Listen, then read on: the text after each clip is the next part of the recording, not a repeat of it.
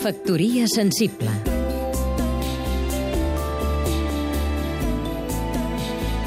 Oleguer Sarsenedes, periodista Tenim un debat obert sobre els llibres electrònics, però l'opinió majoritària a la nostra societat és, encara, que un llibre és un llibre.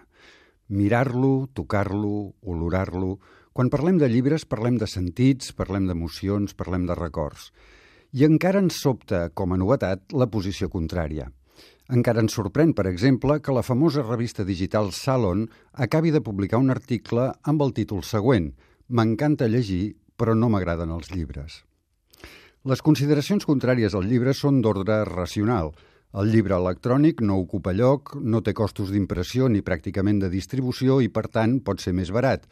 El llibre tradicional, en canvi, costa més de produir i distribuir i un cop llegit comença a fer nosa. Ocupa lloc, s'omple de pols, pesa. També hi ha consideracions estètiques.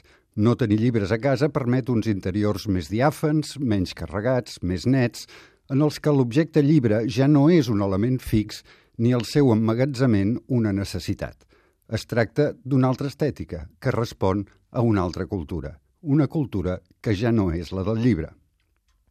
Anna North, cap de cultura de la revista Salon, confessa que per ella la manera més fàcil de llegir és amb l'iPad.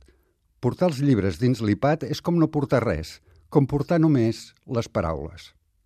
Sembla una contradicció. M'encanta llegir, però no m'agraden els llibres. Però no ho és. Ja no ho és. La digitalització i l'iPad l'han resolt. Desenganyem-nos. Vivim en un món en què la majoria dels mitjans ja no són físics. Estem entrant en l'era de l'immaterialitat. Factoria sensible.